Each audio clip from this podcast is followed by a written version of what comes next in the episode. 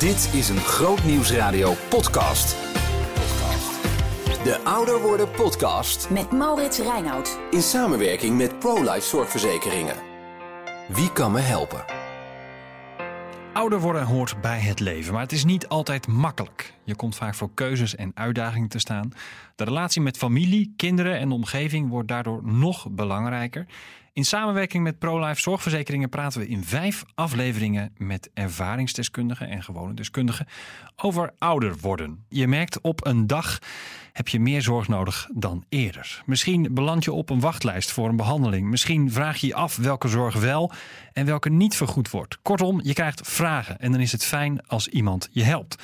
Twee vrouwen die zich inzetten om die vragen te beantwoorden zijn Rineke Heij en Joyce Verburg. Eh, welkom. Welkom. Hallo. Hallo. Ehm, in de podcastserie, eh, die gaat over ouder worden, stel ik eigenlijk aan elke gast de eerste vraag: wat is eigenlijk oud? Wat is jullie beeld bij oud? En toen keken ze elkaar aan. ja. Ehm, wat is een beeld bij oud? Ehm, ik moet heel eerlijk zeggen dat ouder worden voor mij ook wel één op één staat. En dat komt misschien ook wel juist door de ervaringen die ik ehm, met ouder wordende mensen heb. Eh, met een stukje ehm, toenemen in wijsheid. Mhm. Mensen hebben ervaringen en die ervaringen zijn heel rijk. Die zijn rijk om te delen. En die vergeten we heel vaak. Want oud worden doet voor heel veel mensen, en dat deed het voor mij eerder ook, veel eerder denken aan kwetsbaar. En aan beperkingen. En aan misschien wel minder mee kunnen. Mee kunnen doen. Hm. Joyce, wat Mooi denk jij? gezegd. ja, ehm, ja, ik denk niet.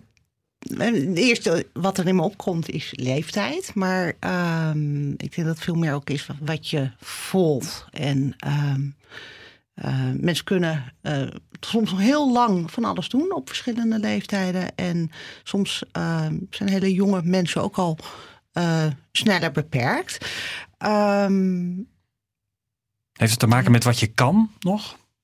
Ehm, ik denk dat dat wel de meest eerste, primaire gedachte is die in mensen opkomt. Maar ehm, ik denk niet dat dat allesomvattend is. Hm. Nee. Ehm, Het is een interessante vraag, hè? Wat, ja, wat is eigenlijk oud? Ja. Ja, we, we, spreken met de, in, in deze podcastserie met ouderen, maar we spreken ook veel over ouderen. Jullie spreken ook ouderen. Ehm, en daar gaan we het ook een beetje over hebben. Want ja, de, de zorgrimboe zou je het kunnen noemen. eh, waar, je, waar, je, waar je een soort van binnenkomt eh, als je meer gebruik gaat maken van zorg. Waar, waarbij je ook heel veel vragen kunt hebben. Die vragen beantwoorden jullie allebei. Eh, Joyce, jij beantwoordt vooral praktische vragen. Rienke, jij doet vooral medisch-ethische vragen. Klopt. Ehm, ehm, laten we even beginnen bij die praktische vragen, Joyce. Wat voor vragen krijg jij eigenlijk? Ehm, het is heel breed. Ehm, want we helpen eigenlijk mensen op weg naar de juiste zorg. Juist omdat dat zo breed is, hebben we verschillende aandachtsgebieden. Eh, je kunt daarbij denken aan, heel kort gezegd, eh, alles wat zich in een ziekenhuis afspeelt. Ehm, waarbij we meekijken van nou, waar kan je terecht voor second opinions, ehm, wachtlijstbemiddeling.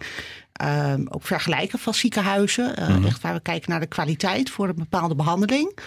En eh, andere aandachtsgebieden zijn juist meer de zorg thuis regelen. En dat kan soms echt letterlijk vinden van wijkverpleging zijn. Maar ook veel meer van, nou, wat heb je nou nodig om het thuis allemaal goed te laten lopen? Ik hoor je net al noemen een oerwoud hè, van eh, regels. En ehm, ja, voor de zorg, maar zeker ook zorg voor ouderen, is dat verschilt eh, ja, over verschillende wetten verspreid. Ja. En kunnen wij juist heel goed mooi eh, meekijken van nou zit je dan bij de zorgverzekering ehm, op het goede punt om die zorg aan te vragen? Of heb je in dit geval meer bij de wet maatschappelijke ondersteuning of ehm, informatie over wet langdurige zorg nodig? En juist om daar het onderscheid goed in te maken en op weg te helpen naar de juiste plek toe, om de juiste zorg te krijgen, zijn we eigenlijk een heel mooi beginpunt. Ja, want hoe gaat dat dan in de praktijk? Mensen bellen pro-life met de vraag eigenlijk van jongens, ik heb zorg nodig. Of, of ik, eh, hoe, Ja. hoe werkt dit eigenlijk? Ehm, ik zoom eigenlijk altijd in van wat is de aanleiding? Speelt het al langer of ehm, is dat eh, als gevolg van een, een operatie in het ziekenhuis? En op basis daarvan kijken we eigenlijk, nou, wat, wat is er dan nodig? Welke zorg, welke hulp eh, heb je zelf in gedachten? En kun je dus een voorbeeld noemen van wat er dan bijvoorbeeld afspeelt in het leven van iemand? Uh, nou, veel voorkomende vraag is toch, uh, iemand krijgt bijvoorbeeld een heup of een knieoperatie, woont alleen, uh, altijd heel zelfstandig geweest en dan komen er zoveel nieuwe dingen op je af. hoe moet dat dan na die operatie? Kan ik voor mezelf zorgen? Moet ik dan naar huis of zijn er andere opties? Hmm. En dan kunnen we eigenlijk stap voor stap de verschillende scenario's doornemen. Ja. Zodat mensen weten waar ze aan toe zijn, wat moet je van tevoren regelen en ja, dat geeft denk ik een stuk geruststelling. Ja. Ineke, jij behandelt de medisch-ethische vragen. Ik ben benieuwd, hoe komen die bij jou terecht eigenlijk? Dat kan op uh, verschillende manieren. Um, je ziet wel dat bij oudere mensen de vragen op wat minder diverse manieren binnenkomen. Wij hebben namelijk we hebben een telefonisch spreekuur dagelijks, ja. vijf dagen in de week, waar mensen gewoon naartoe kunnen bellen um, met welke vraag ze dan ook maar hebben op medisch-ethisch gebied. We hebben daarnaast de 24-7-lijn, zoals wij hem noemen. Dus 24 uur per dag, 7 dagen in de week voor situaties die eigenlijk niet kunnen wachten tot morgen. En dan kun je denken aan situaties waarbij bijvoorbeeld iemand ineens onverwacht geconfronteerd wordt met een, vraag over het wel of niet doorgaan van een behandeling in een acute situatie. Uh, mensen kunnen via de mail hun vraag bij ons neerleggen. Dan kunnen we er gewoon later op beantwoorden. Mensen kunnen ook, die weg wordt door ouderen echt wat minder bewandeld, chatten met ons. Mhm. En je ziet dat dat een digitale manier van contact is die bij ouderen toch iets minder in beeld is. Mensen hebben ook liever live contact. Mensen mogen ook langskomen op kantoor. Uh, ook dan kunnen we ze het woord staan. Ehm, omdat we landelijk zijn, zie je dat daar minder gebruik van gemaakt wordt. Want iemand uit Zeeland zal iets minder snel naar het hoofdkantoor in Venendaal komen. Ja. Ehm, en daarnaast hebben we, um, denk ik, en dat is eigenlijk een afgeleide van wat wij zelf doen als persoon achter de telefoon, ook onze mm, instrumenten die mensen zelf kunnen Ehm, bedienen. Keuzehulpen. Keuzehulp, mm. keuzehulp levenseinde bijvoorbeeld. Omvat eigenlijk bijna alle medisch-ethische thema's waar mensen in de loop van hun laatste levensfase mee geconfronteerd kunnen worden. Mensen kunnen die bijvoorbeeld op hun eigen tijd, eigen wijze, samen met hun kinderen bijvoorbeeld. Hè, juist bij het ouder worden is dat denk ik iets wat ook heel zinvol kan zijn. Om samen met je kinderen na te denken over het ouder worden. En wat dat betekent voor keuzes als, neem bijvoorbeeld als reanimatie. Welke oudere krijgt die vraag niet als je in het ziekenhuis komt? Wilt u gereanimeerd worden? Precies. Die vraag krijg je als jongere al, maar als oudere zeker. Ja. En als je daar nog nooit over nagedacht hebt, kan het maar zo zijn dat je denkt: waarom wordt die vraag gesteld? Denken ze dat ik ja, ja, ja. niet meer het ziekenhuis uitkom? Terwijl het voor die dokter een hele standaard vraag is. Ja. Die soms wel heel veel emotie met zich kan meebrengen. Want wat moet ik nu met deze vraag? En wat doe jij dan? Dan krijg je die vraag. Eh, die vraag allemaal bij jou. En je, je, je, hebt dan mensen aan de, aan de telefoon. Hoe gaan die gesprekken? Nou, als eerste zal ik altijd eerst gewoon de vraag zeg maar, meer uitvragen. Want 9 van de 10 keer staat die vraag niet op zichzelf, maar hangt die in een uh, kader van ervaringen, geschiedenis, uh, situatie die op dat moment speelt. Um, nou, inderdaad, um, als ik even denk aan een, um, nou, nog niet zo lang geleden, uh, iemand aan de telefoon die daadwerkelijk zelf um, te maken had gehad met, um, uh, de, en dan heb ik het even niet e-, over, over palliatieve sedatie.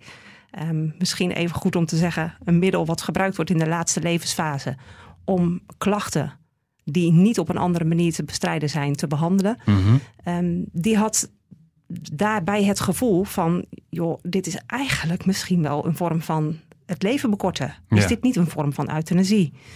Um, die wilde dat niet? Die belde mij. Ze zegt, ja, de dokter stelt dit voor aan mijn man. Mijn man kan daar zelf minder goed meer over nadenken. Is al ernstig ziek, is in de laatste levensfase. Mijn kinderen vinden dit ook wel lastig. Want ja, die hebben er wel eens het een en ander over gehoord.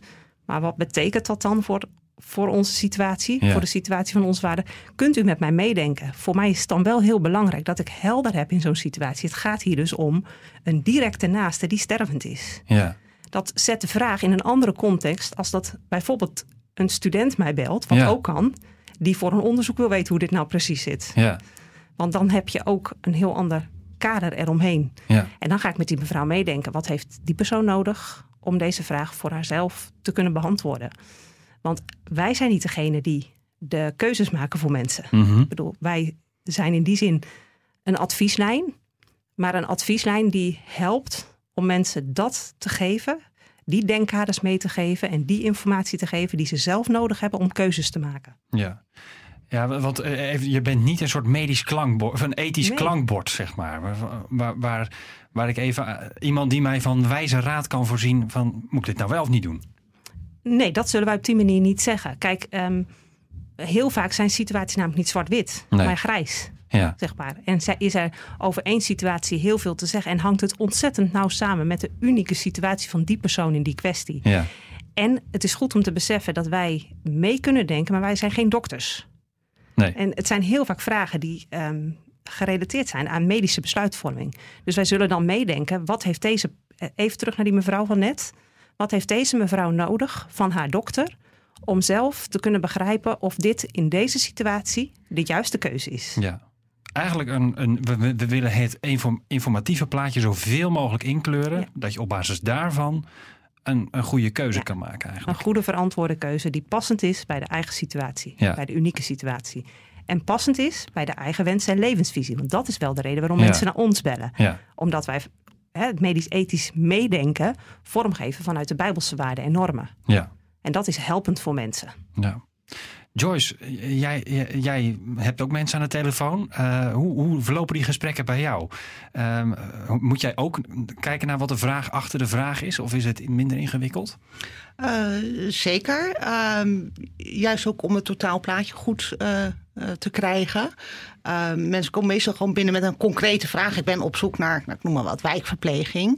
Maar als je dan in gesprek gaat van, nou, wat speelt er dan? Wat, wat is er aan de hand?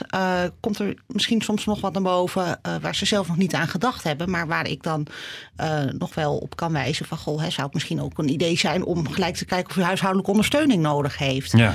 Ehm, een ander voorbeeld, we hebben ook al vaak mantelzorgers aan de telefoon. Hè, dat mensen niet zelf bellen. En ook in gesprek met een mantelzorger kunnen we dan kijken van... Goh, eh, wat is er nog meer eh, op het gebied van zorg en ondersteuning? Ehm, ja, om, omdat mensen ehm, natuurlijk ook niet kunnen vragen om zorg waarvan ze niet weten dat het mogelijk Dat het bestaat. is. Ja. ja. dus je, je wil eigenlijk, eh, jij wil ook dat informatieve plaatje zoveel mogelijk inkleuren. ja. En, en, en zorgen dat de, de zorg aansluit op, op degene die belt. Klopt. Niemand Ja. kan een bepaald beeld hebben van, oh, dat is wat ik nodig heb. En vervolgens in het gesprek beseffen, goh, maar als dat ook nog mogelijk is, Ja. ehm, ja, misschien toch wel een ander, ander beeld krijgen of eh, andere dingen willen proberen. Ja. Waarom doe je dit werk eigenlijk? Ik vind het heel mooi om mensen te helpen. Ehm, en het, het mooie hiervan, juist omdat de gesprekken wat dieper gaan. ehm, ehm, het gaat niet alleen maar van worden kosten wel of niet vergoed. Maar juist Nee. op welke manier krijg ik hulp eh, die ik nodig heb. Ehm, de vergoeding komt soms zijdelings ter sprake. Maar het is veel belangrijker dat mensen eh, eh, ja, de hulp krijgen die ze nodig hebben. En om daarin te kunnen helpen bij dat hele persoonlijke stukje. Zorg, en het is meestal hè, zorg thuis.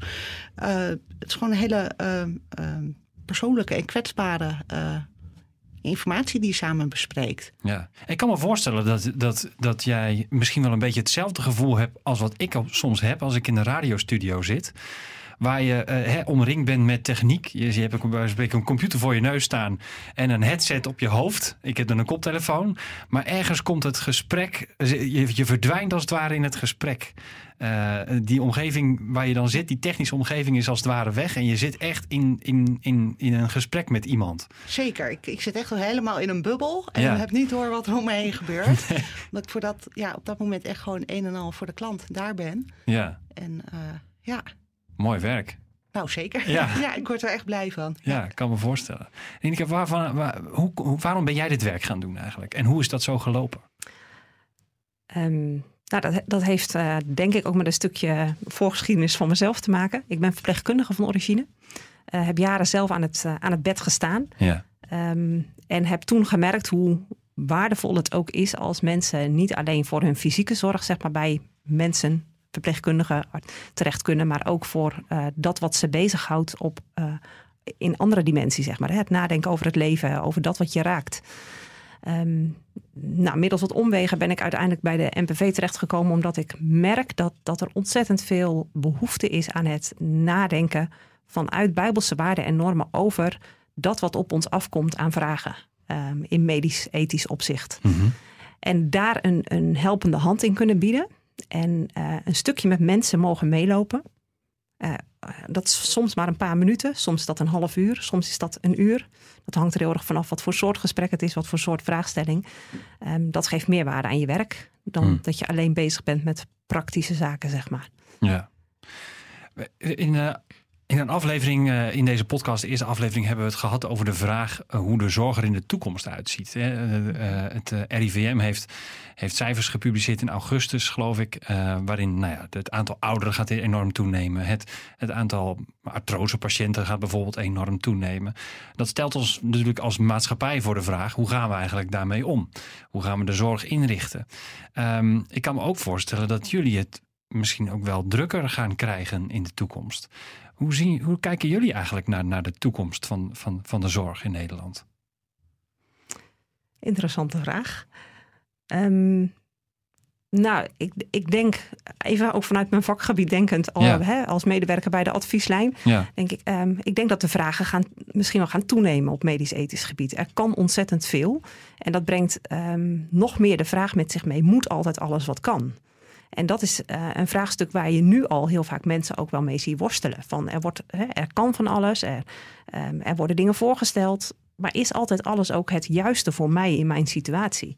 Dus uh, die vragen die gaan er eerder meer dan minder komen. Hmm. En nou ja, ik hoop dat we dan als uh, organisatie in die zin um, misschien wel kunnen uitbreiden. Dat je, daar ook, dat je er daarin ook nog gewoon als mens bij een advieslijn kan zijn. Ja. Het maakt wel dat wij daarnaast ook kijken naar hoe kunnen we mensen op een andere manier ten dienste zijn. Daarom bijvoorbeeld die digitale keuzehulpen. Ja.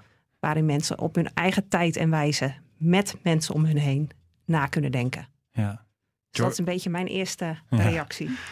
Joyce, denk jij er wel eens over na, de toekomst van de zorg? Je hoort het veel op het nou, nieuws natuurlijk. Ja, um, zeker de, de, praktische gevolgen merken we nu al. Uh, tekort aan uh, personeel in de zorg.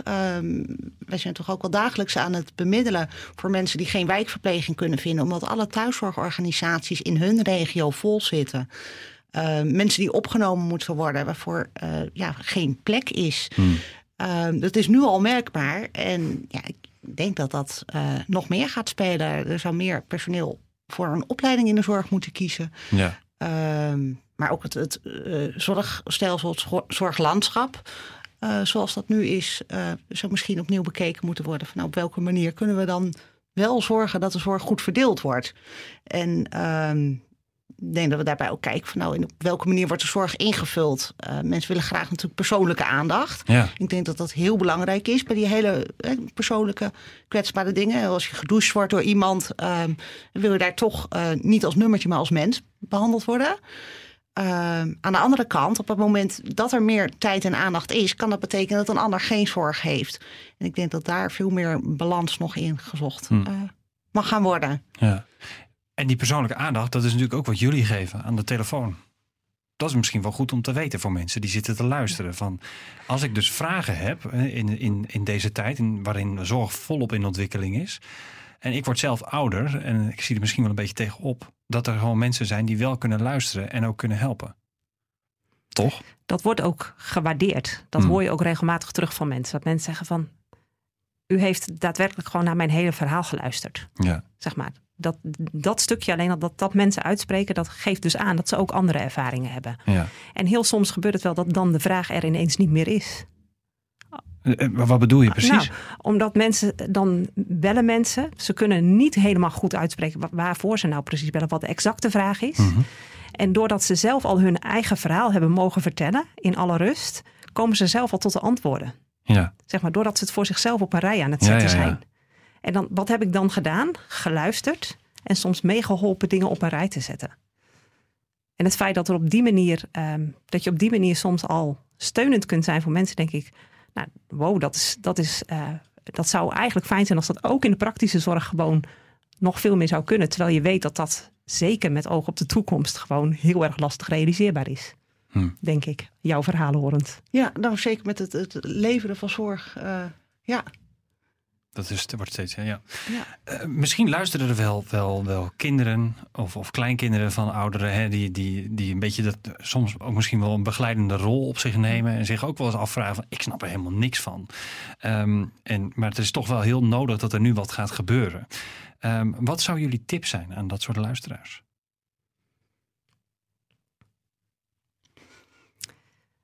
Ehm, de, de, eerste tip denk ik wel van, uh, heb je al geverifieerd of dat wat jij als, als naaste denkt dat jouw vader, moeder nodig heeft, of jouw vader, moeder dat zelf ook vindt. Mhm. Want dat is denk ik wel het eerste vertrekpunt van, je kunt als mantelzorger heel nauw betrokken zijn bij de situatie, maar doe het wel, trek wel samen op daarin. Ehm, en ehm, ga ook inderdaad, denk ik, zelf je licht opsteken. Heb jij zelf vragen over hoe dingen kunnen? Of, of heb je zelf vragen over behandelbeslissingen waar bij wijze van spreken je ouders voor staan of voor komen te staan? Ja. Ehm, en sterker nog, wij zien bij de NPV dat we veel gebeld worden, ook door mantelzorgers die bijvoorbeeld vertegenwoordiger zijn van eh, een ouder uh, op, op heel fysiek op een wilsverklaring. Zoals de NPV levenswensverklaring. En dan gewoon vanuit die rol, zeg maar, behandelbeslissingen moeten nemen. Ja, schroom dan niet om ook de telefoon te pakken en je vraag te toetsen. En te Ja. denken van. En erachter te komen hey, is de keuze die ik nu wil maken, bijvoorbeeld voor mijn vader of moeder, omdat die het zelf niet meer kan, de keuze die ligt in lijn van hun denken. Mm. Wat is goed voor mijn ouders in die fase, Ja. zeg maar. Gewoon bellen. Gewoon bellen. Blijf in gesprek. Ja, Ja, blijf in gesprek. Is dat ook jouw tip, eh, Joyce? Ehm, zeker. Ik denk dat bellen en informatie inwinnen. eh, een keer gewoon eens horen van nou, ehm, hoe, doen, hoe doen anderen dat? Hoe zien anderen dat? Eh, bespreken met de ouders.